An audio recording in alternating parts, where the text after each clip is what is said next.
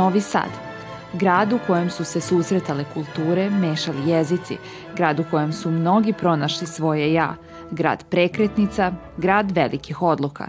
I baš u taj grad došli su na Akademiju umetnosti tada violista Marko Pantelić i saksofonista Milan Mladenov, prvi iz Beograda, a drugi iz Sremske Mitrovice.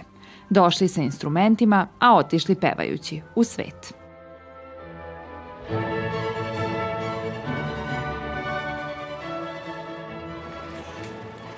Dakle, tri grada su obeležila tvoju dosadašnju karijeru. Dakle, Sremska Mitrovica, Novi Sad i na kraju Trst. I evo mi sad upravo prolazimo ovim ulicama kojim se, kojima se ti išao svaki dan na putu do muzičke škole Isidor Bajić. Kakva sećanja ti se evo sad u ovom trenutku vraćaju? Iskreno prelepa sećanja jer nisam bio sad dugo, nekih tri godine u Novom Sadu i baš lepa sećanja jer sam se tada prebacio iz Mitrovice u srednju školu Isidor Bajić na odsek solopevanja i nekako ta, ta sećanja u vezi sa časom, kako se pripremamo za čas, da li će biti sve u redu, da li smo jeli na vreme i sve ono što je u vezi sa muzikom, naravno, da li sam spreman, da, da li će biti u redu čas, nekako je bilo lepo. I ja sam paralelno studirao saksofon i onda sam bukvalno trčao sa tvrđave sa akademije da bih stizao na vreme na časove u Bajić Tako da je uvek bilo dinamično. Spomenuo si saksofon. Zašto si se odlučio, eto, nakon završene akademije za saksofon, što nije ni malo lako da to potpuno e, batališ, zapostaviš i da se prebaciš na solo pevanje? Da, iskreno da kažem, nije da sam potpuno batalio, ali nekako više sam voleo da pevam od uvek. Bukvalno od detinstva, od pete, šeste godine kad sam krenuo da pevam, ja sam hteo da postanem pevač. Kasnije se to odvijalo da sam hteo da postanem operski pevač. Mm -hmm. Međutim, morao sam da sviram neki instrument i onda sam upisao saksofon i voleo sam realno saksofon tokom studija, ali pevanje negde ono što iznutra ja želim da radim i čime da se bavim, jer je uključen i teatar, i scena, mm -hmm. i kostimi, i sve ono što ide uz to, gluma pogotovo, mm -hmm. jer sada današnji operski pevač mora da glumi bukvalno kao kao glumac drams, dramskog pozorišta. A koliko ti je uh, tehnika saksofona, saksofona i da li ti uopšte uh, to poznavanje tehnike saksofona pomoglo u solo pevanju? Naravno, pogotovo što se tiče disanja. Mhm. -huh. Tehnika je vrlo slična, jer tokom školovanja sam razvio tehniku disanja na, na duvačkom instrumentu, što je odlična baza za kasnije bavljanje solo pevanja, jer je vrlo slično uh -huh. i ta kontrola daha koja je na instrumentu izražena, to, to se isto odvija i kroz pevanje. Tako da mi je, onako sam spojio dve stvari koje su super kompatibilne. U jedno? Da.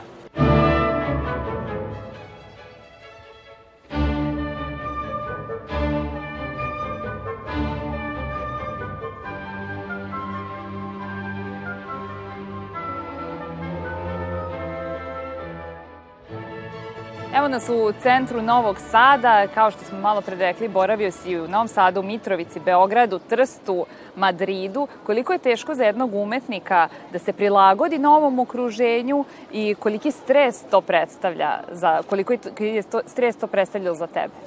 Tako je, promeni vam dosta, jer promenite okruženje, promenite teatar ili, ili profesore, svejedno, ali je to sve u sklopu napretka, tako da vrlo znači jer ne valjda da ste dugo na jednom mestu. Jer vi posle određenog perioda, tipa posle dve, tri godine, želite da vidite nešto novo, neka nova iskustva da vam se dese, tako da je meni značile, značile su mi vrlo te promene. A šta ti se desilo da. u Novom Sadu, a šta u Trstu, a šta u Beogradu? Šta da. ti je onako ostalo najviše, najviše u sećanju što je uticao na tvoj dalji razvoj kao solo pevača? U Novom Sadu, naravno, škola Isidor Bajić i akademija i, i kamerno muzičko društvo, gde sam bio član, tu sam negde prvo ono iskustvo opersko pravo sa kostimima, sa scenama, jer smo dve ili tri godine pevali u Srpskom narodnom pozorištu i putovali smo, tako da mi je to ostavilo najjači utisak, jer je ono što smo radili teoretski i negde na časovima, je tu eskaliralo na sceni. Moglo da se primeni. Da, to mi je vrlo značilo. Con tutta la sua boria Questa volta in bei perde la testa. Ciò gusto Tanta smania avea d'un'italiana Ci vol l'altro con le donne Allevate in quel paese. Ma va ben che gli impari A proprie spese. Šta ti je Trst doneo kada je znanje o pevanju u pitanju? Fokusiraju se konkretno na svaki problem i imaju nekako rešenje za to. U, ukažu vam i postoje posebne vežbe koje ovde nisam čuo. Recimo što je meni, za šta? Da, na primer za opuštanje vilice, jer mi pevači često stegnemo i nesvesno vilicu dok pevamo i kada proizvodimo ton. I ne znamo, znamo da nešto nije u redu, ali šta se desi? Znamo da smo stegnuli, na primjer, bradu, ali kako da je opustimo? I onda ima vežba kada se brada pomera levo-desno i proizvodi se ton. I sve dok možemo da pomeramo bradu i da je ton tačan, to je dobro. Čim se stegne, ton izgubi svoje alikvote i znamo da, da nije u redu. Tako da to vežbamo prvo pred ogledalom, kasnije osjećaj i na kraju izbacimo tu vežbu, jer naravno na sceni ne možemo. Ali svaki put kada osetimo ne, nešto da nas koči, to je neki problem ili u mišićima, ili vrlo je konkretno. Nema toliko tih imaginacija, nego se jasno zna šta je, šta je problem i na osnovu čega može da se reši. Kakvu filozofiju italijani imaju kada je opera u pitanju? Da li su onako striktni kao i kada je pizza, pa da ne smeš da tražiš kečap, ili je ipak nešto slobodnije? Imaju svoj strogi stav jer je Italija kolevka opere i znaju do sitnih detalja, tako da vam tamo greške bukvalno nisu dozvoljene, jer su odatle i potekli svi kompozitori, Belkanta pogotovo. Tako da je izazov vrlo pevati u Italiji pred italijanima. Prvo zbog jezika, jer morate da savladate, na primjer, to, to je velika razlika, isto izgovor, izgovor teksta. Ovde je ja, jako teško to raz, razumeti jer nemamo native odnosno italijane, koji, koji bi mogli da nam ukažu na te neke skrivene momente u, u, u jeziku pri pevanju. To, na primjer, je velika razlika i to je neka razlika kada čuju da li peva italijan ili ne. I ja sad težim ka tome da ne čuju tu razliku da li sam italijan ili ne dok pevam. Da li zaista da. čuju to kada peva italijan? Čuju, jer imaju otvorene i zatvorene vokale. To je, to je razlika u odnosu na nas. Imaju dva, dva O, dva E, otvoreno, zatvoreno, U takođe, tako da se to čuje i, na primjer, skrivene dopije, odnosno du, dupla slova gde nisu napisana, a gde treba da se izgovori. I to je, na primjer, velika razlika, da ne pričamo o legatu, toj pravoj liniji i, i povezivanju nota koje tamo stvarno nigde ne može da se nauči, jer sam ja bio na mnogo master klasova i tamo sam jedino skapirao šta tačno treba da se radi i na koji način. Za sve postoji reše, odgovor i pitanje i rešenje. A u Madridu? Da li, on, da li u Španci imaju nešto drugačiji doživljaj opere? Tako je. Španci, na primjer, imaju, to se zove žan Sarsuela, to je španska opera. To je negde žan e, vrlo sličan opereti, gde, gde se glumi i peva, teško je pevati, ali ima dosta atraktivnosti na sceni, dosta glume, dosta igre. I to sam, na primjer, radio na tim arijama iz Sarsuele, što mi je potpuno novo, jer takođe izgovor španskog, dru, drugačiji od italijanskog, Oni su fokusirani na to, rade naravno i italijansku operu, ali kad uđete u taj teatar, potpuno drugačija atmosfera, novo iskustvo. Nekako... Su vatreniji? Da, oni su vrlo vatreni. Tamo ne možete da pevate bez strasti, bez duše, bez emocija. Emocije su se nizale dok smo se dalje kretali Njegoševom ulicom ka muzičkoj školi Isidor Bajić, koju je Milan pohađao u klasi profesorke Anđele Saramandić koliko je klasa i kolege sa klase, koliko oni mogu da, utiče na raz, da utiču na razvoj jednog pevača u smislu jedne zdrave konkurencije i koliko jedni druge vučete napred? Da, bitno imati tu zdravu konkurenciju. Jer ovde ima dosta klasa pevanja, četiri ili pet je tada bilo, i prosto na tim javnim časovima čujete kako drugi zvuče. Prosto imate onda jasnu sliku o sebi, -hmm. na kom ste trenutno nivou, na čemu treba da radite. Od drugih zaista možete dosta ovaj, da čujete i uvek je ta zdrava konkurencija dobra, jer nekako, ne, ne da se javi ona ljubomora ili sueta, što je naravno prisustva, prisutna u našoj profesiji, nego šta ja mogu da pokupim od nekog, šta neko može od mene, neki savet, dovoljno neka rečenica da se desi, da vam neko promeni ovaj, pogled na, na taj deo arije ili pesme koju spremate. Tako da je vrlo bitno da imate konkurenciju i da znate trenutno u kom ste stadijumu, jer onda znate kako da napredujete. U odnosu na druge. Tako je. Malo pre si rekao muzika teče i kada teče to onda obično znači da je sve spremno, uvežbano, naštimano i da sad samo treba da se onako ležerno izvede na sceni. A šta kada se to ne desi? Da li je bilo takvih situacija? Tako je. To je, to je ona mana, da kažem, u, tog uživog, na, živog nastupa ili pevanja. Tu ne smete da imate ni jednu grešku. I kada se ne, desi nešto, neki peh, morate da se snađete u trenutku. Mm -hmm. Naprimer, desilo mi se na jednom takmičenju da sam zaboravio deo teksta. Vi pevate, imate blokadu i moram da se snađem. Dve reči sam zaboravio, nema veze. Ja sam izmislio dve reči na italijanskom koje možda tad nisu ni postojale. I samo sam nastavio dalje i do kraja sam osvojio i nagradu na tom takmičenju. Tako da mi nisu uzeli to kao manu, nego više kao snalaženje u trenutku. Aha. Takođe, kada sam pevao operu Kozifan Tute, jer tu imate i orkestar, i kostime, i scenu, i prosto ne možete, samo su pauze na, na kraju svakog čina. -huh. Međutim, trebalo je da se pojave dve kolege na sceni i taj deo recitativ, gde se, to je govorno pevanje, i ja sam samo čekao da se oni pojave i ništa, a muzika teče. I tu sam takođe probao nešto da improvizujem, da napravim neku grimasu, da bih zabavio publiku, dok se oni ne pojave. I pojavili su se srećom, ali minut na sceni je kao, ne znam, u, potpuno drugačije kao u realnosti. Kao sat vremena, real, da. realnog vremena. Je da, tako? jer nekako sve oči su uprte u vas i vi, vi ste na sceni i morate da prenesete tu energiju. Tako da je bilo raznih situacija koje su zaista zapamćenje i negde morate da uvek budete spremni kada, kada je vaš ulazak, izlazak sa scene. Mm -hmm. Zato što prosto ako je i promena kostima, dešavalo mi se da pevam dve uloge koje su potpuno drugačije. Uh mhm. -huh. tipa da u istoj sam, predstavi. Da, uh mhm. -huh. tipa u, u Narodnom pozorištu sam bio u operi Giannis Kiki Puccinija, prvo dečak, tinejdžer koji ima 13 godina, a na kraju sam bio telohranitelj koji je mhm. stari i onako velik i onda su morali da mi, da mi menjaju kostim brzo jer, jer su scene bile. To, to je uspelo da se desi, ali bukvalno da je, da je sekund bilo kasnije propala bi ta scena i ta promena, jer ne smiju da prepoznaju da sam ja isti lik koji tumači.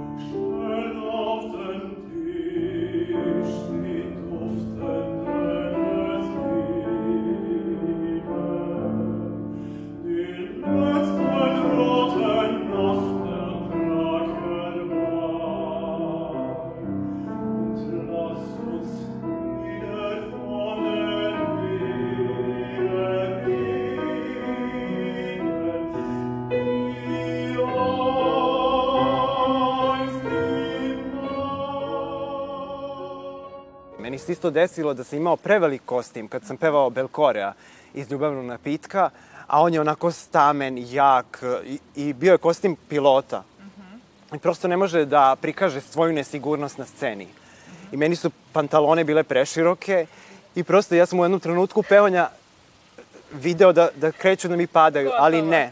I ako padne, ja moram da, da ostanem na, na tom nivou zadatka, da sam ja zavodnik. Da si ti pilot, zavodnik, da. i makar i bez pantalona. Da.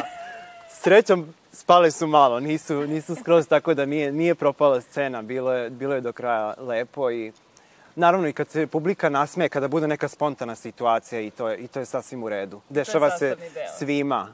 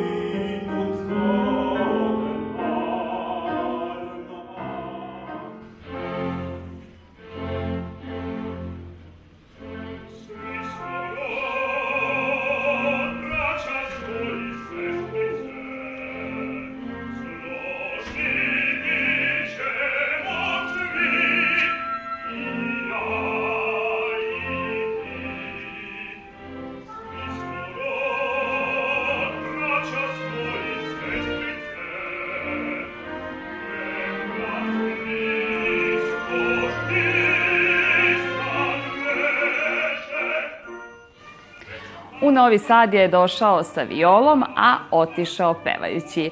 Marko Pantelić je u fokusu druge teme i on je naš današnji gost. Marko, dobar dan. Dobar dan vama i vašim gledalcima. Evo, javljaš nam se iz Berlina, ali je pre toga tvoja stanica bio Novi Sad, je li tako? I tu si došao kao violista, otišao kao pevač. Pa evo reci mi, kada i kako si shvatio da će pevanje biti tvoj životni poziv i da, eto, da, da batališ violinu? Kako si to odlučio? U Novom Sadu sam, da kažem, ostavio violu i e, nastavio svoju pevačku priču e, prvo u Beogradu, a, a onda ovaj, i evo ovde gde sam sada. Pa da, ja sam zapravo e, istovremeno dok sam studirao u Novom Sadu violu, ja sam učio solo pevanje u Zemunu, u muzičkoj školi Kosta Manojlović i to je nekako išlo uporedo i ja sam nekako osjećao da je moj, moj put moje ličnosti, umetnička, da tako kažem, jeste put pevanja, put opere, put teatra, a viola je nekako samo, pošto glas se kasnije razvija, onda je viola bila samo uh, ispunjavala to jedno vreme ovaj, da, dok sam čekao da glas sazri. I zapravo mi to znanje koje sam na violi, violini pre toga e, stekao, danas jako znači jer prosto sve je to muzika i ovaj, I usko je povezano, je li tako? Da bome, da. Tako A kakva da ja sećanja, sam, ovaj... kakva sećanja te vezuju za Muzičku akademiju u Novom Sadu? Pa predivno, ja sam ovaj, i dan danas imam tu e, i među zaposlenima i među tada studentima ovaj, imam i dan danas divne prijatelje. E, ja jako volim uopšte Vojvodinu, volim i Novi Sad i negde sam se tu jako lepo osjećao.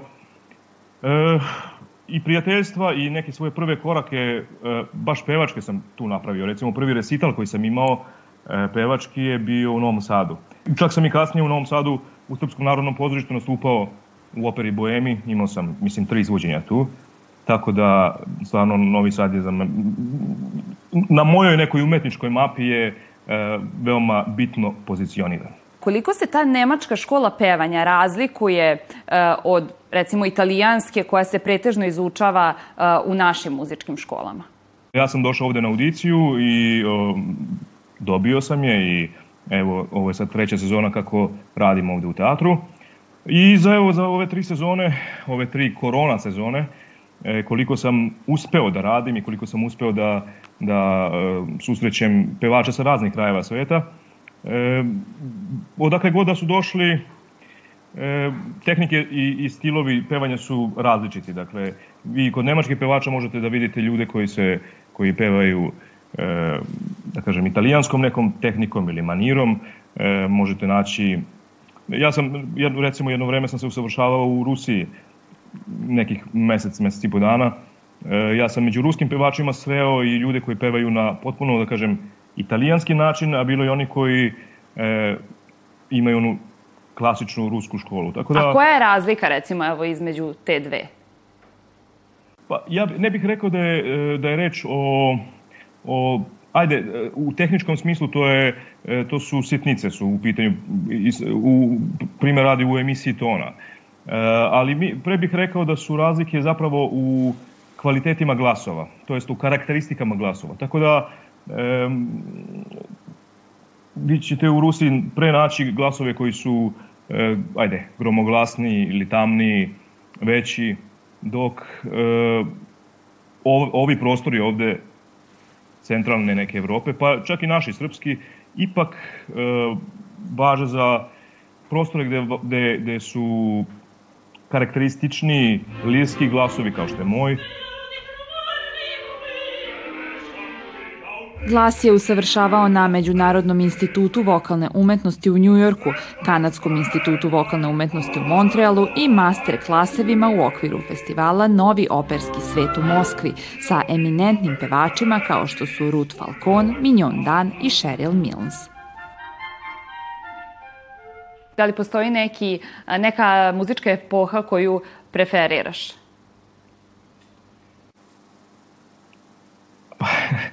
Ja uvek e, koju god ulogu da, da radim, evo sad baš trenutno obnavljamo e, Mozartovu operu La Clemenza di Tito, Titovo milosrđe, nekako uvek tu ulogu koju tad spremam ili obnavljam ili učim, e, nju smatram omiljenom i negde se mi je taj onda period i bliži, bliži mom nekom umetničkom biću, da, da tako kažem.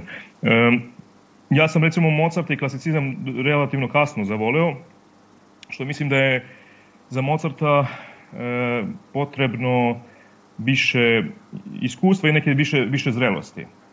A, danas ga jako volim i negde mislim da je moj glas dosta pod, podesan za, za, za taj repertoar, pa se, kao i za Rosinija recimo, tako da je to neki, e, neki period, recimo rani romantizam, e, bel canto rani, E, tako da je to nešto što mi, ajde da kažem, sada trenutno bliže.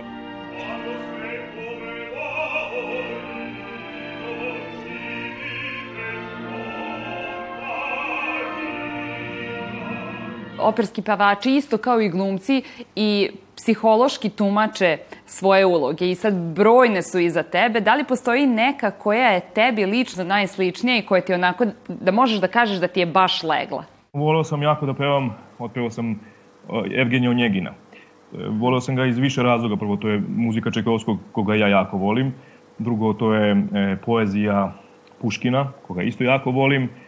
Treće, taj, taj karakter je jako interesantan. On, on nije blizak meni u smislu da sam ja privatno e, kao Onjegin, ali mi je bio um, interesantan baš zato što mi nije blizak.